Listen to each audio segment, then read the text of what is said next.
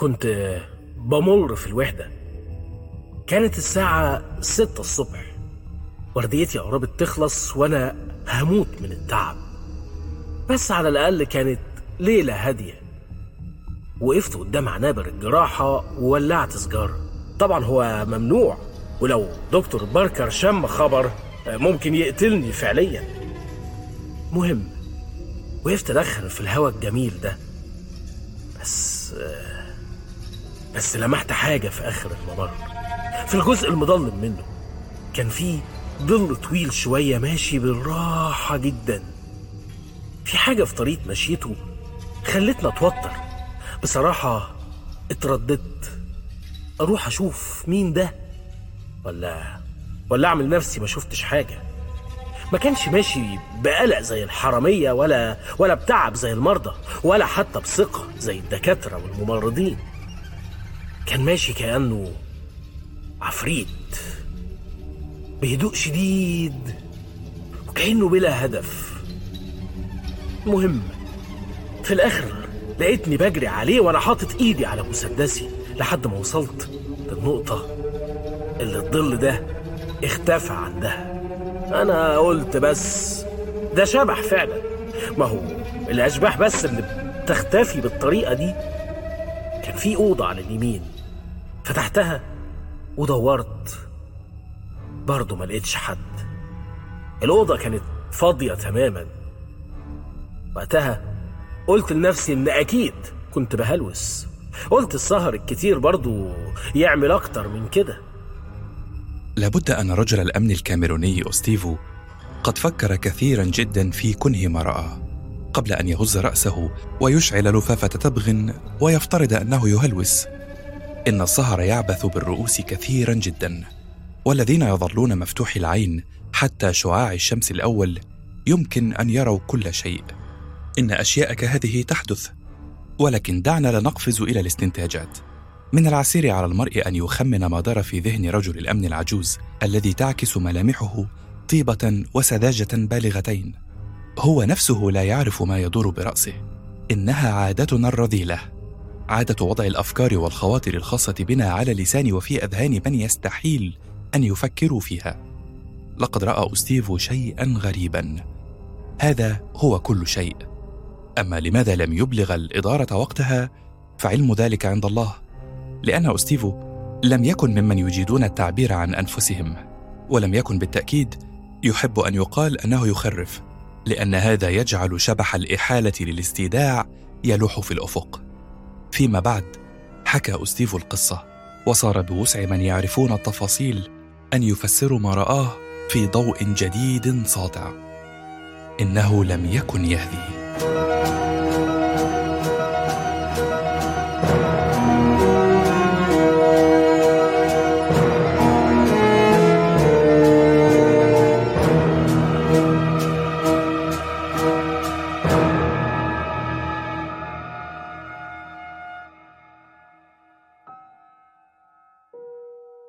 من جديد أعود لكم علاء عبد العظيم الطبيب المصري الشاب المصري الوحيد في وحدة سفاري في أنجاونديري كنا قد انتهينا كما قلت لكم من موضوع ثورة الوحوش المفاجئة ومن مشكلة صغيرة تتعلق بذبابة تسيتسي وقد انتهت تماما.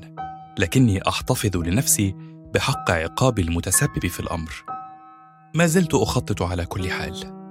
إن المقلب الذي أعده في وله شعري لجدير بأن تحكيه الأجيال القادمة باعتباره انتقاما فريدا من نوعه شيئا كعقاب سيزيف أو كرم حاتم الطائي أو خبث جحا. ألم تعرفوا بعد؟ لقد عادت برنادت أخيرا من ياوندي. لقد انتهى انتدابها في مؤسسة باستير هناك ومع عودتها عاد طوفان من الأحلام والآلام والنشوة والقلق والغيرة. إن حياتي من دونها نهر راكد مريح في الواقع. إن الأنهار مملة لكنها على الأقل لا تحرمك النوم. ها بقى يا ستي إيه الأخبار في ياوندي؟ ياوندي مدينة جميلة.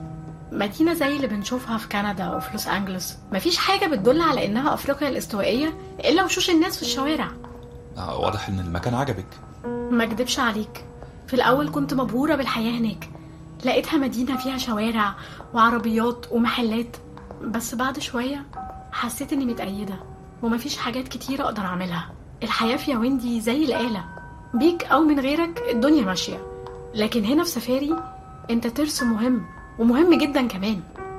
بصراحة ما قدرتش أعيش من غير أطفالي اللي هنا. هما محتاجيني وأنا محتاجاهم أكتر. ما ارتحتيش في المدينة وسفاري وحشتك. طيب الإنسان كائن غريب فعلا. وها هي ذي. تشمر المعطف الأبيض إلى الساعدين وتنطلق إلى عيادة الأطفال. لتبدأ يوما جديدا من النزلات المعوية والكساح وأمراض التغذية. وأعود أنا إلى قسم الأورام الذي أعمل فيه هذا الأسبوع. تعرفون أنني من مجاذيب الجراحة المفتونين بها. يقولون إنني جراح بالفطرة وإن طبيعتي المقتحمة العدوانية تتسق تماما مع هذا الفرع من العلم. اولا لا أشعر بأنني مقتحم عدواني كما يقولون.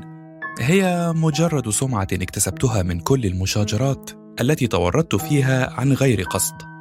ثانيا لو كنت أملك موهبة جراحية ما فهؤلاء القوم يتمتعون بفراسة غير عادية. لم أعرف أن فن القيافة والعيافة التي اختص به العرب يسري هنا. الحقيقة أنني لم ارى في نفسي قط بذرة جراح جيد. وقد قارفت أخطاء لا بأس بها كانت لتخدو قاتلة لو لم ينقذني الزملاء واسعو الخبرة. لكني سأكون جراحا جراحا فريدا من نوعه. اليوم أنا في قسم الأورام لكني لن أمارس الجراحة لأن هذه حالات متقدمة تجاوزت ما يسمونه المرحلة الرابعة في أي تقسيم أورام. حالات تتلقى العلاج الإشعاعي أو الكيماوي أو التخفيفي ومهمتهم هنا هي جعل ساعاتهم الأخيرة محتملة إنسانية الألم. طبعا قسم كئيب ومهمة أكثر كآبة. لا تختلف كثيرا عن مهنة الحانوتي إلا في كون هؤلاء المرضى ما زالوا يتنفسون. هنا يجول الموت في ثقة مكشرا عن أنيابه. يقف عند رأس كل فراش ويضحك. فلا نجد الوقت الكافي لتدوير الفراش حتى لو زودناه بمحرك كالذي يزودون به معارض الآثاث. كان الأستاذ لوغاس مريضا من الأهالي في الخمسين من عمره وكان سرطان الرئة قد لعب معه لعبته القاسية الأخيرة. رجل مهذب رقيق وديع جدا. يعتقد أنه ليس من حقه أي شيء إلا ما نمنحه إياه تصدقا وكان لا يكف عن توجيه عبارات الشكر حتى لمن يرتب له الفراش أو يأخذ حرارته. كان يعرف أنه ينتهي ويفهم صور الأشعة المخيفة المعلقة جوار فراشه وكان يتعاطى جرعات عالية من المورفين والعلاج الإشعاعي والكيميائي. حتى احترق جلده وسقط شعره وراح يقيء أكثر الوقت. هذا الرجل قد صار صديقي. نعم صار صديقي الحميم. هذا هو الشيء الوحيد الذي أملك أن أمنحه إياه في معاناته. إنني في حالته شبيه بأطباء القرن الثامن عشر الذين كانوا يزورون مريض التيفود فيفحصونه ويوصون بالمزيد من الفصد ومزيج الراوند ثم يتعشون ويطلبون من الخادم أن يجلب لهم عربة. لم يكن لديهم ما يقدمونه للمريض سوى أن يتعشوا عنده.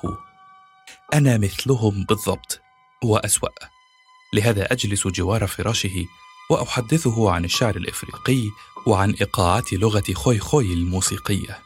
إن أسوأ ما يفعله طبيب الأورام أن يجعل المرضى أصدقاءه وأن يفقد تجرده العلمي لأن هذا يجعل من حياته سلسلة من فواجع الثكل. لكن ما باليد حيلة. ليست نفوسنا محكومة بضغطة على زر. وفي هذا الصباح قال لي وهو ينشق الأكسجين من قناع بجواره. هو هو أنت مت- متجوز لا لسه. آه بس أكيد هيجي يوم وأتجوز. وهتت... وهتتجوز؟ م... مصرية؟ في الغالب لا. هتجوز كندية. أو ده اللي أنا متوقعه يعني. نصيحة مني ما تتجوزش إلا بنت بلدك. صدقني في اختلاف كبير في الثقافات.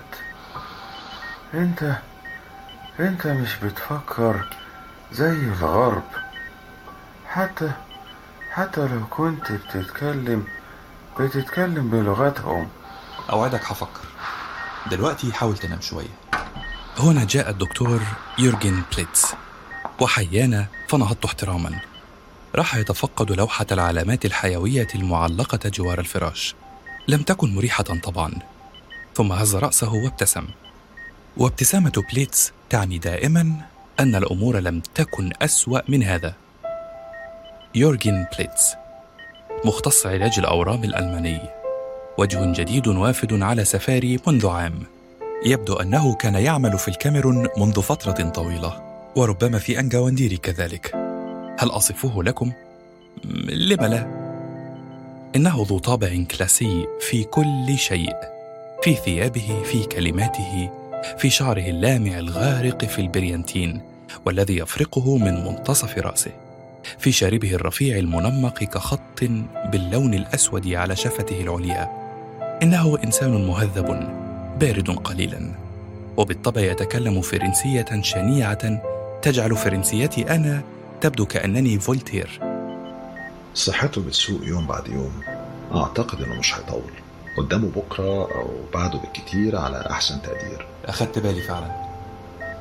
أنا محيرني فعلا إزاي لحد دلوقتي ما قدرناش نحدد نوع السرطان اللي عنده. حتى بعد العينات اللي اتاخدت من رئته ودمه وصور الأشعة اللي بتقول إنه سرطان متقدم. بس برضه مش عارفين. لما المريض يتوفى مش هيبقى فيه أسرار. هنقدر نشوف كل حاجة جوه جسمه بعينينا ونحدد بالظبط إيه اللي حصل. كان يتكلم عن التشريح طبعا وقد اقشعررت للفكرة. لحماسه المريض كي يعرف. لكنه محق دون شك. عن طريق التشريح لن تكون هناك فرصة للفشل في تشخيص الحاله القادمة.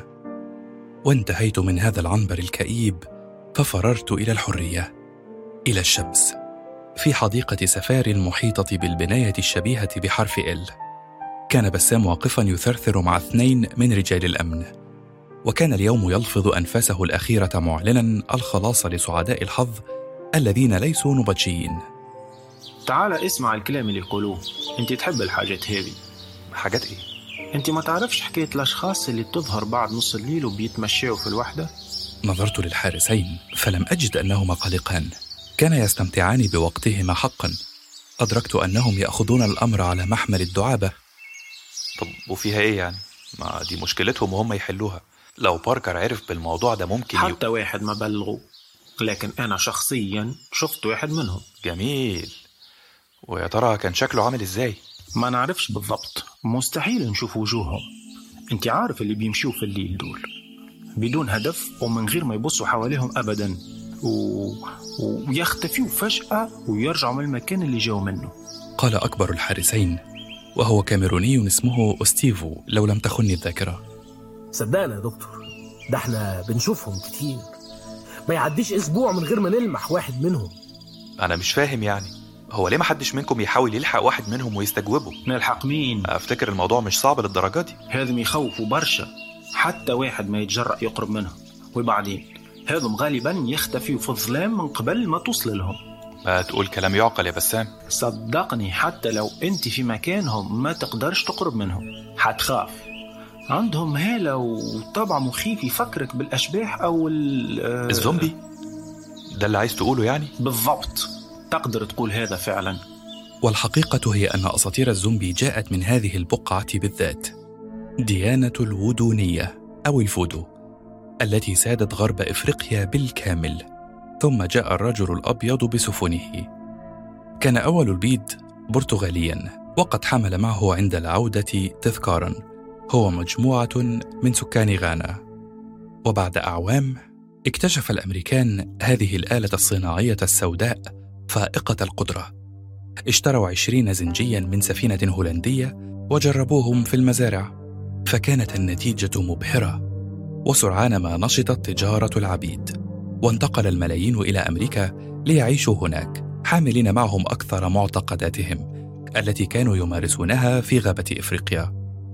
وفي جزر الكاريبي كان هؤلاء الأفارقة يعتنقون ديانة الفودو. التي مزجوها بالمسيحية في خليط غريب وكان الزومبي من الأحجار المهمة في هذه العقيدة. إن الزومبي جاء من غرب إفريقيا ليعيش في الكاريبي. حقا لا أرى غرابة في أن تسود هذه الخرافة هنا. الكلام عن أشخاص هائمين لهم طباع الزومبي العجيبة كما نراها في أفلام الرعب.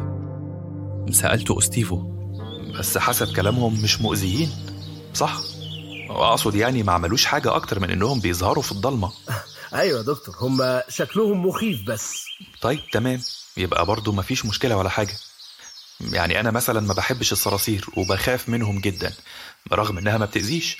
بس بتكون علامة على عدم النظافة على الأقل. أهو سفاري كده فيها مشكلة نظافة برضو بس بدل الصراصير المكان فيه أشباح. المشكلة الحقيقية فعلا إنه باركر نفسه أخطر من أشباح العالم الكل. ولو عرف الحكاية هذه كان يبهدل بحال طاقم الأمن الكله هو عموما كل مستشفى تقريبا في العالم لازم يكون فيها كلام عن الأشباح. لما كنت طبيب امتياز كان المستشفى الحكومي مليان قطط الممرضات كانوا بيقولوا إنها أرواح اللي ماتوا في المستشفى. وفي ليلة ما انساهاش كنت سهران جنب مريض بيموت. كنت متحمس وواثق إني هقدر أساعده. الساعة 4 الصبح الأمور بدأت تتحسن شوية. فقلت أقوم أريح في السكن شوية وأشرب كوباية شاي علشان أقدر أكمل سهر. ومش عارف إمتى ولا إزاي لقيتني نمت وأنا قاعد. دقيقتين بالظبط بدأت أصحى وإحساس بالتوتر مش عارف جالي منين. كأن حد عمال يقول لي اصحى اصحى. فتحت عينيا لقيت قطة سودة واقفة على رجليها الخلفية وبصالي. أنا اتجمدت مكاني. تلات ثواني والقطة مشيت. جريت على سرير المريض. لقيته مات. مع إني سايبه من خمس دقايق بس. أنا مش قصدي أستنتج أي حاجة من الكلام ده بس افتكرت يعني بمناسبة الأشباح. ها الأشباح اللي هنا برضه يا دكتور هم أشباح اللي ماتوا في سفاري. أيوه أيوه. أنا مش هنسى شكل الراجلين اللي كانوا من قرى الباميليك وماتوا عندنا من شهرين. لمحتهم ماشيين من أسبوع تقريبا. لا صحيح يا بسام أنت مش خلصت شغلك؟ ما تيجي أعزمك على كوباية شاي في أوضتي. وفي حجرتي أعددت بعض الشاي كان جائعا فأعددت له شطيرة من الجبن وغمستها ببعض زيت الزيتون لأنه ككل تونسي لا يفهم أن يوجد طعام دون زيت زيتون ولولا المبالغة لشربه بدلا من الماء. مش كفاية بقى إشاعات وكلام فارغ؟ كلام فارغ إيه بس؟ أدينا بنتسلى وبنكسر في الملل اللي إحنا عايشين فيه. أه، قل لي صحيح ما فماش أخبار عن إبراهام ليفي وقصة الذبان إياه؟ لا لسه ما قررتش هعمل فيه إيه بس أنا مبسوط إنه خايف. سيبه كده مرعوب. خليه يلف حوالين نفسه مش عارف الضربة هتجيله منين. اللي هو فيه دلوقتي أجمل من أي حاجة ممكن أعملها. لكن خلي بالك ممكن من كثر خوفه يحاول يبدأ بالهجوم. ما أعتقدش. هو زيه زي باقي الصهاينة عندهم عقدة المسادة وعارف إنه الإسرائيلي الوحيد هنا في الوحدة. وأي إسرائيلي لوحده بيبقى خايف ومرعوب وعنده وسواس الحصار. والله كلامك معقول جدا. في الصباح دخلت عنبر الأورام لأجد المفاجأة القاسية تنتظرني. الفراش الخالي. الفراش الخالي حيث كان يرقد لوغاس أمس. شعرت برجفة تسري في عمودي الفقري وتذكرت وجهه أمس وهو ينصحني بالزواج من مصرية. بهذه السرعة إذن. شعرت بيد على كتفي فنظرت للوراء. كان الألماني بليتز يمسك بلوح كتابة في يده ويقول لي في رفق. أنا مقدر مشاعرك. هو كان صديقك. مش كده؟ هو هو حصل إمتى؟ الساعة 3 الصبح. إحنا كنا متوقعين إن ده هيحصل. محدش عارف. ما كنتش متوقع إنه يحصل بسرعة كده. في حالته دي بتكون السرعة رحمة من عند ربنا. ضغط دمه انخفض بسرعة وبدأ يغيب عن الوعي ومحاولاتي كلها فشلت. وأعتقد إن جاله نزيف رئوي لأن قبل وفاته كان بيكح دم. في يوم من الأيام العلم هيقدر يمنع الأحزان اللي من النوع ده. مريض السرطان هياخد له قرصين من أونكولايسين أو كارسيكيور ويخف بعدها تماما من السرطان. ال- الأونكولايس. مفيش دواء بالاسم ده أصلا. طبعا مفيش. بس يوم ما يخترعوا دواء للسرطان مش هيلاقوا اسم غيره. كانت هذه هي السمة المميزة لبليتز. إيمانه المطلق بالغد وبالتقدم العلمي. وهو ما يشعرني أحيانا بالسذاجة. إن العلم برغم كل شيء بطيء محدود. ووثباته ما زالت أقل مما توقع المفكرون في القرن الماضي. ولو أن اتش جي ويلز رأى ما نحن فيه بعد نصف قرن من مماته لأصابته خيبة الأمل. لابد أنه كان يحسب إنسان التسعينات سيعيش في مدينة فضائية خالية من المرض والفقر والألم. ربما كان يحسبه قد تخلص من الموت كذلك. قلت لبليتس وأنا أتناسى ما أنا فيه. أنت حضرت التشريح يا دكتور؟ آه لا طبعا. طول ما اليهودي الإنجليزي ده مسيطر على المشرحة يبقى لا هدخلها ولا هعتبها وهذه نقطة أخرى تميز بليتس. إنه لا يطيق اليهود ولا الإنجليز ولا الفرنسيين. ربما أقول إن هذا يقرب بيننا نوعا لكني بدوري لا أكره اليهود إلى هذا الحد. أكرههم فقط حين يصيرون صهاينة. وبالتالي كان بليتس أكثر حماسا مني في هذا الصدد. أما عن مقته للإنجليز والفرنسيين فأمر لا أفهمه. يبدو أن النزعة العرقية الآرية لم تفارق الألمان بعد بعد نصف قرن من وفاة هتلر. قلت له وأنا أتجه لأول فراش في العنبر. طيب هبقى أمر أنا على البروفيسور جيديون بعد ما أخلص شغلي هنا. اللي يريحك. وبدأت أفحص أول مريض لكن عقلي كان هناك. كان مع وجه إفريقي مهذب خجول. يضع القناع على وجهه وينصحني بالزواج من مصرية. وجه كان رجلا أمس واليوم صار جثة باردة على منضدة التشريح أمام عيني جيديون الشبيهتين بعيني صقر.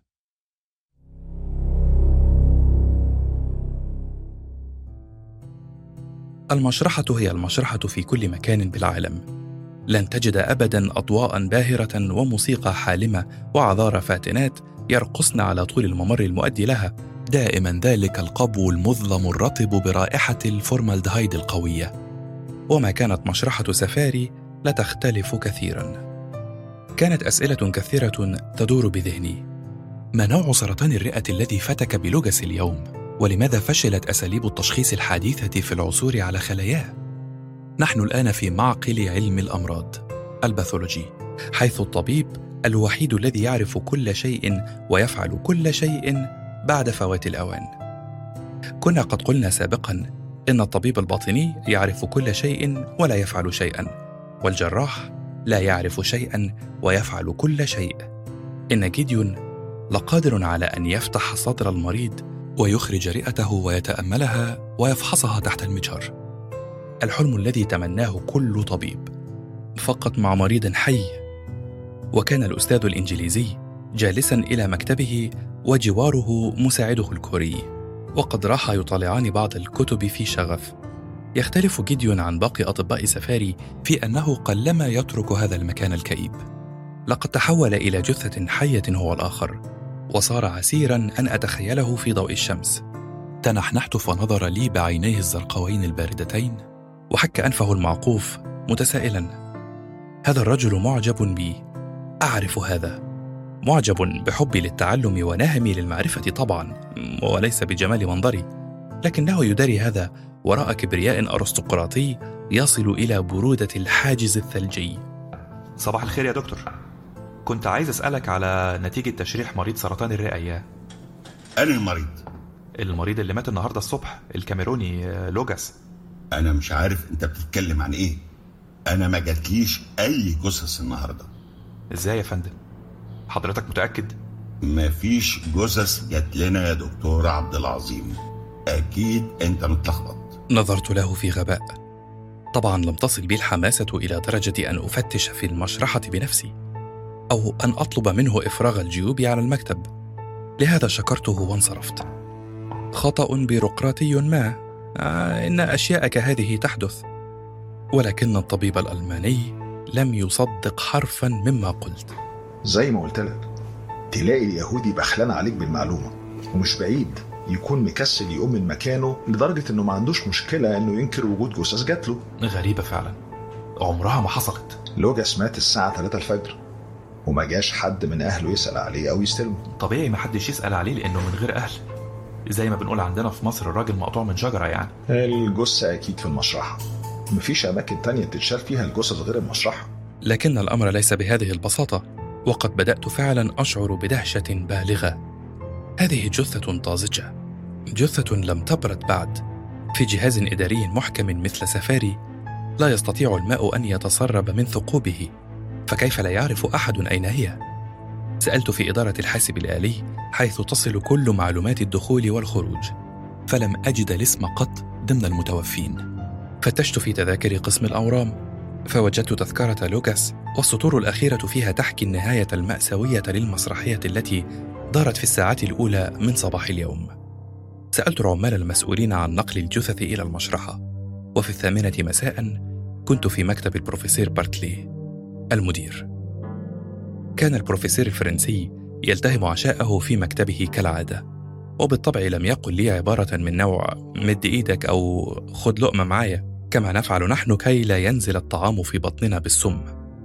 قال لي في انهماك وهو يوقع بعض الأوراق بيده الحرة. مساء الخير يا علاء. آه إيه اخر مشاكلك لا بتحسن يا دكتور الحمد لله. بقالي أسبوع ما قتلتش حد. عظيم. بدأت تخف أهو. أمال آه، جاي لي ليه؟ إيه مشكلتك؟ أه لا هي بسيطة يا فندم. أنا بس مشكلتي في الجثث اللي مش بتوصل المشرحة. وفي الدقائق التالية حكيت له قصة لوكاس بالتفصيل. فبدأ يهتم بالأمر. وضع الشطيرة في الطبق وراح يجري بعض المكالمات.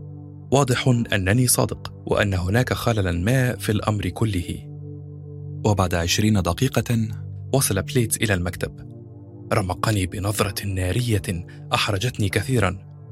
لا أحب أن ألعب دور الواشي القذر أو الصائد في الماء العكر أو خاصة وهو لا يطيق الفرنسيين ومنهم بارتلي طبعا.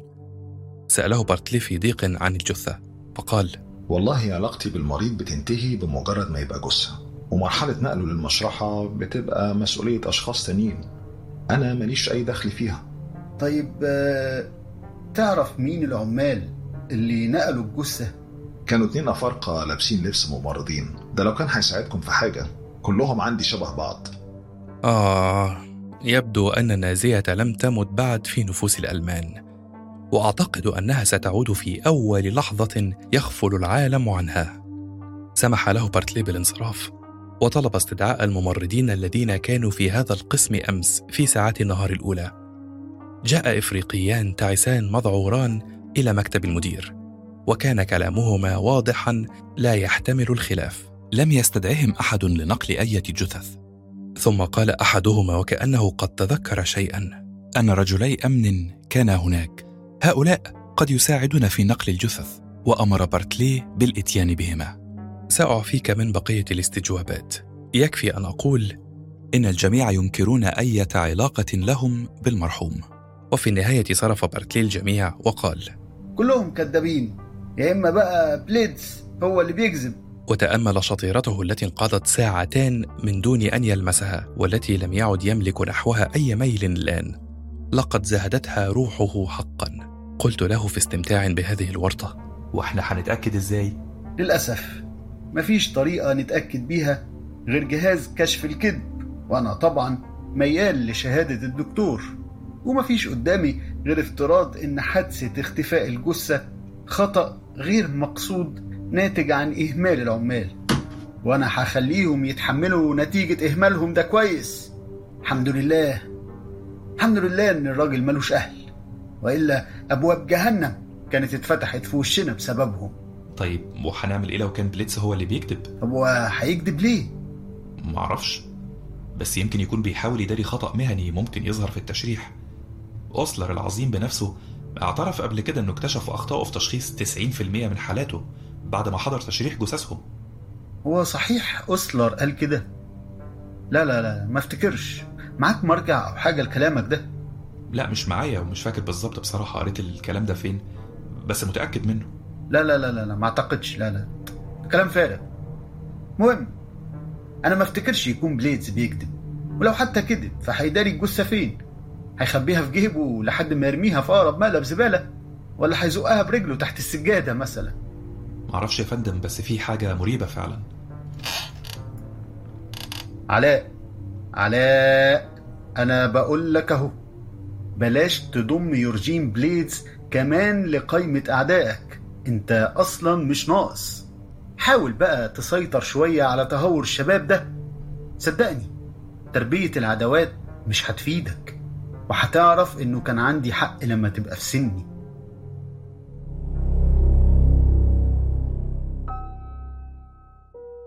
بعد ثلاثة أيام من هذا الموضوع لقد تركت ولله الحمد قسم الأورام الكريه وخاصة بعد أن فقد الأخ بليتس كل مودة نحوي إن هؤلاء القوم قد يمقتونك وقد يرتابون فيك لكن هذا لا يغير من معاملتهم العادلة نحوك. بمعنى أنه لم يضطهدني أو يتصيد لي الأخطاء. أو يدس قطعة حشيش في جيب معطفي. فقط كف عن الابتسام والحديث البشوش معي. فيما عدا ذلك كنت أحصل على كل حقوقي. كأنما يستمد هؤلاء القوم احترامهم لأنفسهم. من عدم تحيزهم ومن عدم اضطهادهم لمن يكرهون. لا أعني بهذا أنهم مجموعة من الملائكة لكني كنت أجد لدى أكثرهم صفات تبهرني حقا. فأقول في سري عقبالنا يا رب. تركت قسم الأورام وعدت أمارس دوري المعهود. المسمار الذي يدسونه في كل مكان يحتاج إلى مسمار في وحدة سفري لن أكف عن لعب هذا الدور حتى أحصل على الزمالة في الجراحة وهو طريق شاق طويل جدا. لم أقطع منه سوى بضع خطوات. والثقب الذي أدخل المسمار فيه أعني الذي أدخلوني فيه هو قسم التوليد وهو كابوس حقيقي مريع أفضل عليه أن أنام على الأرض وأتلقى اللكمات في ضلوعي حتى أموت.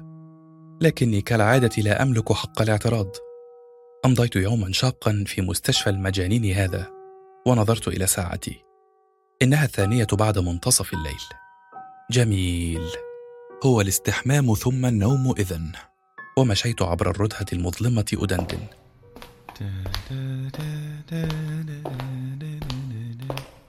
أنا لو حنساكي حفتكر مين من بعد هواكي حياتي آمين.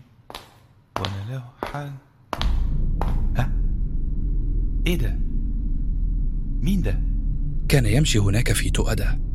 ووجهه ميمم شطر نهاية الردهة من اللحظة الأولى أدركت أنه منهم. لم تكن مشية طبيب واثقة ولا مشية ممرضة متعجلة ولا مشية لص متسللة ولا مشية رجل أمن مدققة كانت مشيته لا تمت لعالمنا بصلة وأعتقد أنني لم أرى مثلها قط في حياتي. لم يكن متعجلا كأنه يملك كل الوقت في الكون لكن شيئا من طراخ لم يبدو في حركاته كذلك وراح قلبي يخفق كالطبل. أنا أمقت هذا الشيء أشمئز منه أكرهه. سحت من حلقي الجاف. أنت اللي هناك أقف عندك. استدار للوراء لكني لم أرى وجهه في الظلام ولم يبدو أنه على استعداد كبير لطاعتي. ببساطة أدار وجهه وواصل رحلته المبهمة إلى ردهة الميعاد. وقلت لنفسي أعمل إيه دلوقتي بس يا ربي؟ أمشي وأحكي البسام بكرة اللي شفته ونقضيها اندهاش سوا؟ ولا ألحقه وأعرف إيه حكايتهم بالظبط؟ وفي النهاية تغلب فضولي القاتل. وجدت نفسي أركض خلفه في الردهة متوقعا في أي لحظة أن يتلاشى. كلهم يتلاشى في كل ما سمعت من قصص. لكنه ظل هناك إلى أن قطعت الستة أمتار التي تفصلني عنه واعتصرت ذراعه في شيء من العنف. كان هشا بحق وترنح قليلا من فرط الجذبة.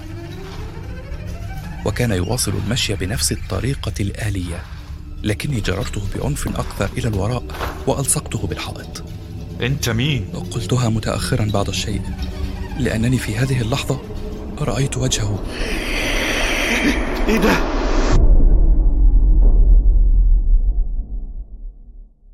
وكانت برنادت قد فرغت من إعطاء المحاليل لذلك الرضيع البائس الذي كاد الجفاف يفتك به لقد عادت اللمعة إلى عينيه واستعادت كرة عينيه صلابتهما واسترد جلده مرونته.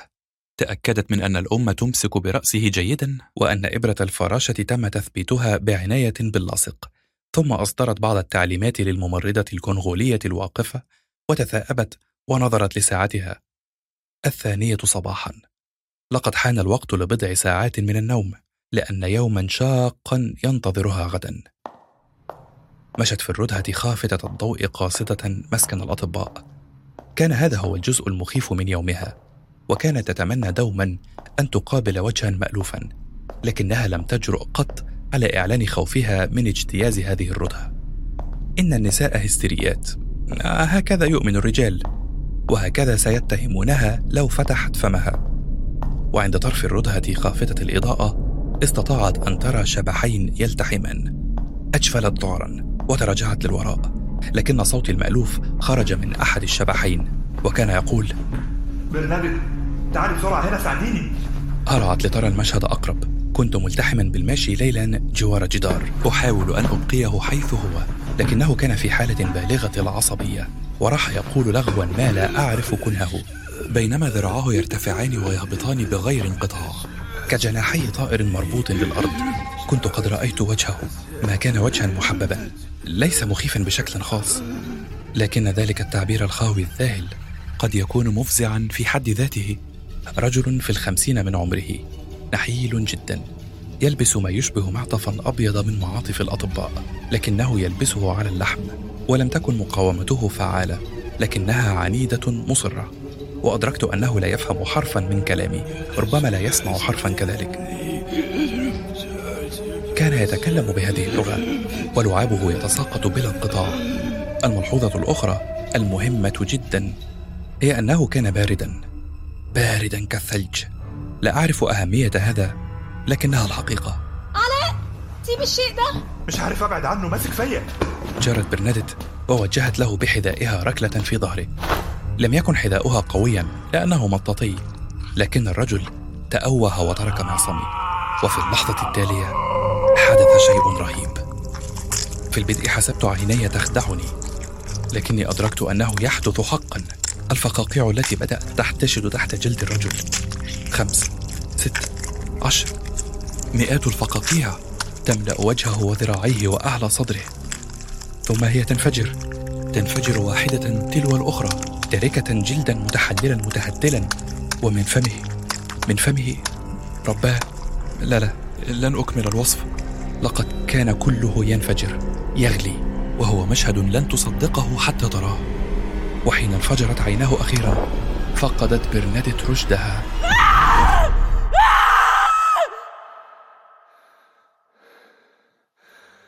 الآن أقف وحدي لاهثا أرتجف كذيل حية الجرس.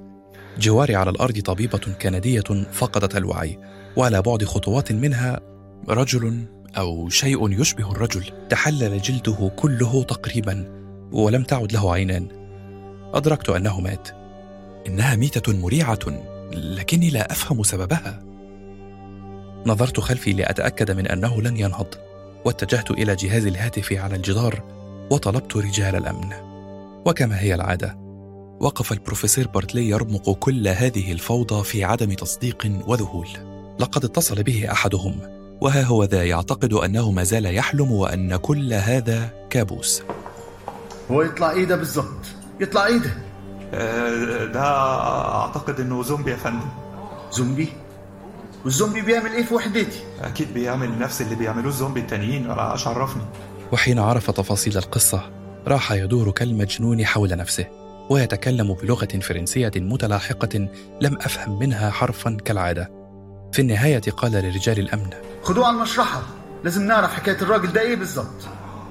وأنت يا علاء أنا بكرة هحقق معاك ومع الناس كلها. هذه هي العادة. إنه يخلط دوما بين المصائب وبين مكتشفها. لا يجد سواي كي يلومه كلما ظهرت ثغرة في الآلة العملاقة التي هو مسؤول عنها. كانت برنادت تترنح. فقلت إنني سأوصلها إلى حجرتها وانصرفنا. علاء هو ده كان زومبي بجد؟ بصي هي فكرة الزومبي أساسا قايمة على رجوع الحياة للموتى.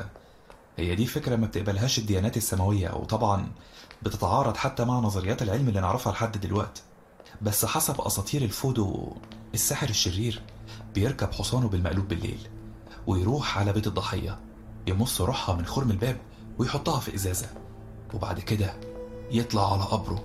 يطلع الجثة ويمرر الإزازة تحت مناخيره فالجثة تقوم. يا خبر أنت عرفت الكلام المخيف ده منين؟ ما تنسيش إن الأساطير دي كلها جت من غرب أفريقيا.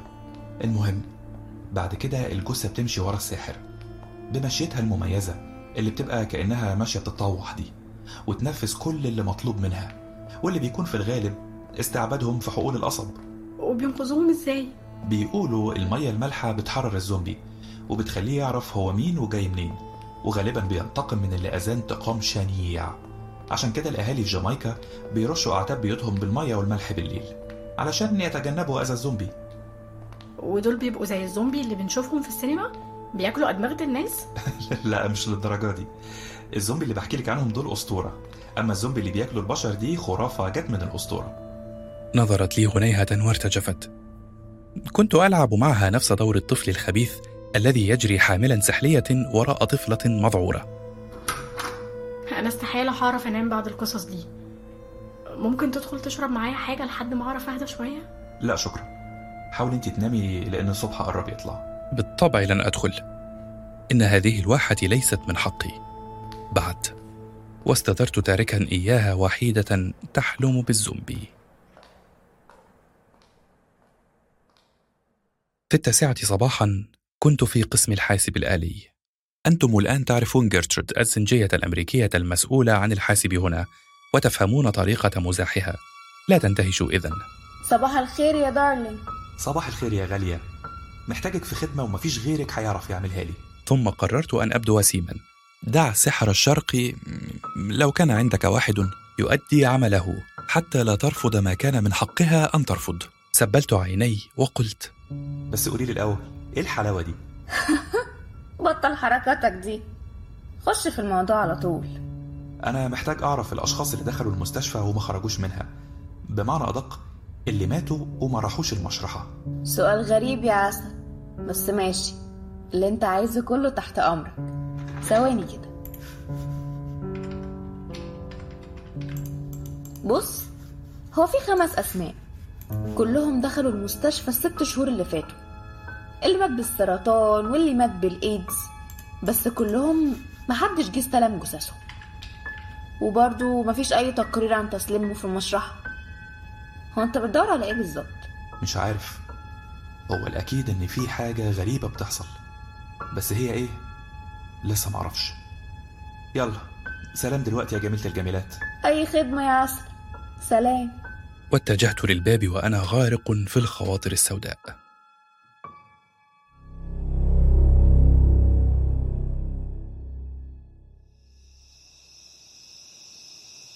تثاءب الشيخ أنجازا وأشعل لفافة تبغ ثم سألني. بتقول مين اللي بعتك يا ابني؟ بودرجا. بودرجا هو اللي قال لي إنك هتفيدني في البحث ده. ورحت أجوب بعيني في أرجاء الكوخ. كان كوخا إفريقيا عاديا له كل سمات أكواخ البانتو وكانت المرأة العجوز جالسة على الأرض في وضع الاحتباء الشهير تعجن جذور الكثافة. وتصغي لمحادثتنا الفرنسية التي لا تفهم منها حرفا. لقد كان بودرجا يعرف القصة كلها وقد قال لي في غموض الأهالي في القرية اللي جنبنا بيتكلموا اليومين دول عن اللي بيرجعوا من الموت. فعلا؟ لا اديني تفاصيل أكتر. لا معرفش تفاصيل. أنت لازم تروح بنفسك للقرية وتسأل هناك عن الشيخ أنجازة صاحب الثلاث بقرات وهو الوحيد اللي هيفيدك. وهكذا وجدت نفسي أذهب مترجلا إلى تلك القرية التي لا أفهم من لغة قومها سوى كلمة واحدة أنجازة وطبعا كان هناك ثلاثة منهم. لذا رحت ألوح بثلاثة أصابع وأخور كالماشية حتى فهم أحدهم أي أنجازة أريد. وها أنا ذا جالس في كوخه أصغي لحكمته السرمدية. ودعوت الله ألا يموت الرجل قبل أن يحكي كل شيء. وهو شيء عسير بعض الشيء لو رأيت منظره معي. إنه جثة لا ينقصها سوى الدفن. قال العجوز. أنت بتسأل عن اللي بيرجعوا من الموت. مش كده؟ أيوة بالظبط راح يحدق في طرف اللفافة المشتعل. وقال بشرود. إحنا بنشوفهم. وبنسمعهم بالليل وهم ماشيين في القرية. بيتحركوا ببطء بين الأكواخ. بس طبعا محدش فينا يستجري يوقفهم في حاجة مخيفة جدا في طريقة حركتهم وانتوا عرفتم إزاي انهم ميتين أصلا؟ إحنا عارفينهم. وعارفين انهم ماتوا من كذا سنة. أنا ابني كمان واحد منهم. ميت من عشر سنين تقريبا. وبقينا بنشوفه هو كمان. محتاج دليل أكتر من كده. انت شفت ابنك وهو بيموت؟ كان بيتعالج في مستشفى انجا وانديري ومات هناك. قصدك سفاري؟ لا ما كانش لسه في سفاري وقتها. كانت مستشفى إرساليات خاصة. أعتقد إنها ما بقتش موجودة دلوقتي. طيب معلش. ما فكرتش مثلا تزور قبر ابنك بعد ما ظهروا الأشخاص اللي بيمشوا في القرية دول؟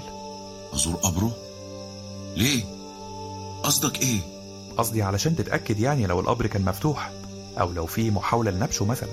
لا لا لا لا جسمه لسه في القبر لكن روحه هي اللي بتهيم والروح متجسدة في شكل الوعاء اللي كانت فيه.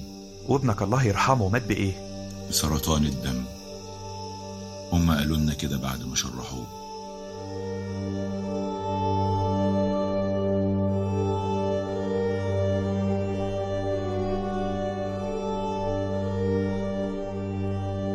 وفي المشرحة ارتدى جيديون قفازيه ووقف يتأمل الجثة بعض الوقت ثم رفع القناع ليداري أنفه.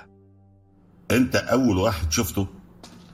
آه عايز أقول لك إنه تقريبا انفجر قدامي يا دكتور. ارفع الماسك على وشك. سألته وأنا أفعل كما أمر. هو حضرتك قلقان من وجود عدوى مثلا؟ ما أعرفش. إحنا قدام حالة جديدة من نوعها. ممكن يكون فيروس جديد لسه العلم يعرفش حاجة عنه. أنا حسيت كأنه بينفجر كأنه تعرض لضغط منخفض فجأة زي اللي بيحصل للغطاسين لما يطلعوا لسطح المية بسرعة. هما مش بينفجروا بالمعنى الحرفي يا ابني. هو اللي بيحصل للغطاسين دول لو خرجوا لسطح المية بسرعة من عمق كبير إن النيتروجين في دمهم بيرجع لحالته الغازية فبيخلي دمهم يغلي فعليا. فقاعات النيتروجين بتسد شعيراتهم الدموية. وده اللي بيخليهم يتلووا من الألم لحد ما يموتوا. بس مفيش حاجة اسمها ينفجروا. لسه ما عرفش المرض اللي بيخلي إنسان ينفجر من غير ما يبلع صباع ديناميت مولع. هززت رأسي موافقا على حين أخذ هو الشهيق العميق المعتاد وأمسك بالمبضع وبدأ يشق الجلد. يشق ما تبقى منه. وفي الداخل كانت الفوضى ضاربة أطنابها كل الأعضاء الداخلية كانت منفجرة أو نزفت دما. وكان جدار المعدة الخارجي مليئا بتلك الفقاقيع الحويصلات البشعة التي لم تنفجر بعد. جيديون يلهث انفعالا وهو لا يصدق ما يراه. مش معقول. ده ده شيء غريب. شيء مخيف بجد. إيه اللي ممكن يبهدل الأنسجة الداخلية بالشكل ده؟ وواصل عمله في صمت. يبدو أن الدهشة قد أنسته أن يتكلم ليسمع جهاز التسجيل. في النهاية أخذ عينات من المخ ومن الرئة والقلب وألقاها في مرطبانات تحوي الفورمالدهايد توطئة لفحصها تحت المجهر. إنه عالم أمراض وليس طبيبا شرعيا على كل حال. وبعد ساعات جلس ينظر عبر عدسات المجهر. وأنا أقف بجواره بانتظار ما سيقول. إنه محترف ولم يعد النظر بكلتا العينين مشكلة بالنسبة له وهو أمر لم أتعلمه قط بعد هذه السنوات. كان مجهرا عتيق الطراز لكنه يسمح بإدراج قطعة تعليمية تتيح لشخص واحد أن ينظر مع جيديون. وقد قام الأخير بتثبيت هذه القطعة ثم أمرني أن أنظر معه. دي شريحة من الكبد لو ما كنتش واخد بالك. زي ما انت شايف الخلايا منتفخة أكتر من اللازم وفي منها انفجر بالفعل. من الواضح إنه حصل غليان سيتوبلازمي. شفت المشهد ده كتير قبل كده في الخلايا اللي اتعالجت بالليزر. ده بيؤدي لانفجار خلوي زي اللي أنا شايفه دلوقتي. وكان ما يقوله واضحا أمام عيني بحق. أنا ملاحظ بس ده معناه إيه؟ الموضوع كده بقى واضح. الراجل انفجر فعلا على المستوى الخلوي والنسيجي والعضوي. في مية كتير فعلا جوه الخلايا. قول لي يا علاء حسيت بحاجة غريبة في ملمس الراجل أيوه كان بارد. بارد زي التلج. تلج؟ غريبة فعلا. وواصل تفحص الشريحة ولم يعلق. بعد قليل انتزعها ووضع شريحة أخرى. من الرئة هذه المرة وواصل الفحص. كانت النتائج شبيهة بهذا. فيما عدا انفجار شعيرات لا حصر لها لقد حدثت نفس التغيرات المريبة في أوعية الرجل الدموية فلم تتحمل أكثر. الراجل ده كان في تلاجة وخرج منها قبل ما يموت بدقايق.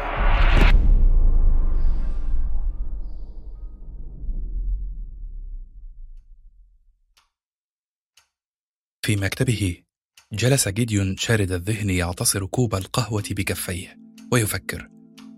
كان بطبعه سمجا قليل الكلام. آثرت الصمت بانتظار ما سيقول. عالما أن أي سؤال سيتلقى جوابا مؤلما. بعد قليل سألني. سمعت قبل كده عن Cryonics Cryonics؟ لا طبعا. ده مصطلح جديد عليا تماما. ال Cryonics ده نوع من الخيال العلمي. ويمكن لحد النهارده ما اتعملش تجربة واحدة سليمة. الاختلاف ما بينه وما بين العلم الحقيقي هو إن العلم الحقيقي بيقدم لنا الحقيقة المؤلمة المحدودة. لكن العلم الخيالي هو الأحلام بكل بهائها وجمالها. الفكرة اتولدت لأول مرة على حد علمي في قصة خيال علمي لكاتب فرنسي اسمه إدموند دابو. كان في القرن التسعة عشر تقريبا. القصة كانت بعنوان الرجل ذو الأذن المكسورة. تتكلم القصة عن تجميد المرضى الميؤوس من شفائهم ومحاولة إعادتهم للحياة مرة تانية. بعد تطور الطب طبعا وإيجاد حلول لشفائهم. بعدها في علماء كتير اتبنوا الفكرة. كلهم كانوا بيؤمنوا إن الموت مجرد مرض ما يعرفوش علاجه لسه. وكان أملهم إنه يفضل المريض في ظروف تحفظ أنسجته لحد ما يجي اليوم اللي يقدر فيه العلم يقهر الموت. بس يا دكتور الكلام ده كلام فارغ عارف. أنا معرفش مقدار تدينك لكن الفكرة نفسها منافية مع سنة الطبيعة وميثاقها. لازم من وجود الموت لاستمرار عجلة الحياة. تقدر تقول إن الفكرة كانت جزء من غرور علماء القرن التسعة عشر اللي افتكروا نفسهم إنهم قدروا يوصلوا لمعرفة سر الحياة. وزي ما قال بنيامين فرانكلين إنه يتمنى يرجع للحياة بعد مئة سنة ولو خمس دقايق علشان يعرف إيه اللي حصل في العلم والسياسة والاقتصاد وبعدها يموت مش مهم. يعني معنى كلامهم إنهم يحولوا القبور لغرف نوم لكن الفكرة ما تطبقش طبعا. ما ينفعش تطبق لأسباب كتيرة يا ابني. لكن بالنسبة لهم كانت في دلائل بيستندوا عليها زي البكتيريا. بتموت سنين طويلة في درجة حرارة قريبة من الصفر وبعد كده تزدهر وتمارس عملها من جديد. وافتكروا إن اللي ممكن يتطبق على حيوان وحيد الخلية ممكن ينجح على حيوانات متعددة الخلايا. أنا سمعت عن فكرة الإحياء المؤقت دي قبل كده. ما كنتش أعرف إن اسمها ال Cryonics. لا ال Cryonics فكرتها مبنية أساسا على تجميد الموتى مش الأحياء.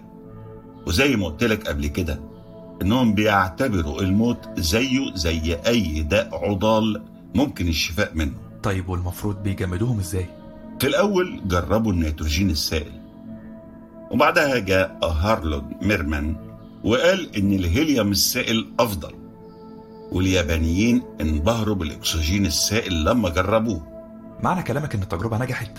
لا طبعا نجحت مع الفئران الحية ونجحت مع اليابانيين لما جمدوا الشرانق لدرجة سالب 30 درجة مئوية وغطسوها في الأكسجين السائل وبعدها دوبوا التلج. قدرت اليرقات تكمل حياتها بشكل طبيعي وخرجت منها فراشات كمان. عفوا يا فندم. أنا محتاج بس أفهم علشان حاسس بشوية تناقض في الكلام. لأن مرة حضرتك تقول إنهم فشلوا ومرة تقول إنهم نجحوا. فإيه؟ ما نقدرش نقول إنهم نجحوا نجاح كامل لأنهم أولا أجروا تجاربهم على الكائنات الحية مش الميتة زي ما كانوا بيأملوا. ثانيا التجميد بيكون بلورات تلج جوه الخلايا. ده بيسبب لها أذى ضخم في مرحلة التذويب. علشان كده حاولوا اليابانيين إنهم يحقنوا اليرقات بالجليسرول ويغطسوها فيه. بيقولوا إنه قلل من تكوين البلورات جوه الخلايا. طب وحضرتك بتحكي لي كل ده ليه دلوقتي؟ منظر الجثة والخلايا بيؤكد إن الخلايا دي كانت متجمدة وتعرضت للذوبان. بلورات التلج اللي دايبة هي اللي أدت لانفجار الخلايا. يعني في حد بيحاول يعمل الكلام ده هنا في سفاري؟ أغبياء بيؤمنوا بحاجة ضد الطبيعة نفسها. ولو حاولت تناقشهم هيتهموك بالجهل والتعصب. كلامهم كله مستند على اكتشاف الكهرباء واللاسلكي وإنه في يوم من الأيام الإنسان عمره ما كان يحلم باكتشافات زي دي. ده خلاهم يقبلوا بأي شيء حتى لو كان منافي للمنطق. ورأيك إيه في الجثة اللي شرحتها؟ أعتقد إن الراجل ده كان في حالة إحياء مؤقت. اتجمد تماما ورجع للحياة فجأة. وبذل مجهود في صراعه معاك. وده سبب كافي لأنه يدوب تماما. وخلى خلاياه وأوعيته الدموية تنفجر ويموت فعلا خلال ثواني. أنت تقصد إنه ما كانش لسه مات قبل التجميد؟ لا طبعا. ما تبقاش غبي. الأموات ما بيرجعوش مرة تانية للحياة. ده أمر منتهي. معنى كده إن في حد هنا بيجمد المرضى الميؤوس من شفائهم ولسبب ما واحد منهم داب قبل أوانه؟ معرفش مش شغلتي إن أفترض استنتاجات من غير ما أستند على وقائع. لكن اللي أنا متأكد منه إن سلوك المتوفي بيتناسب مع انتفاخ خلايا مخه ومش غريبة إنه ما يردش عليك ويمكن ما يكونش شافك أصلا. مخه كان بيعيش آخر لحظاته وقتها. ثم ابتسم للمرة الأولى لهذا اليوم وقال آه بالمناسبة لقيت كمان سرطان النخاع المتعدد عند المرحوم. المرض ده ملوش علاج لحد النهاردة لكن بعد كام سنة مين عارف وكانت كلماته ذات معنى واضح. هذا الميت كان يعاني مرضا لا يرجى منه شفاء.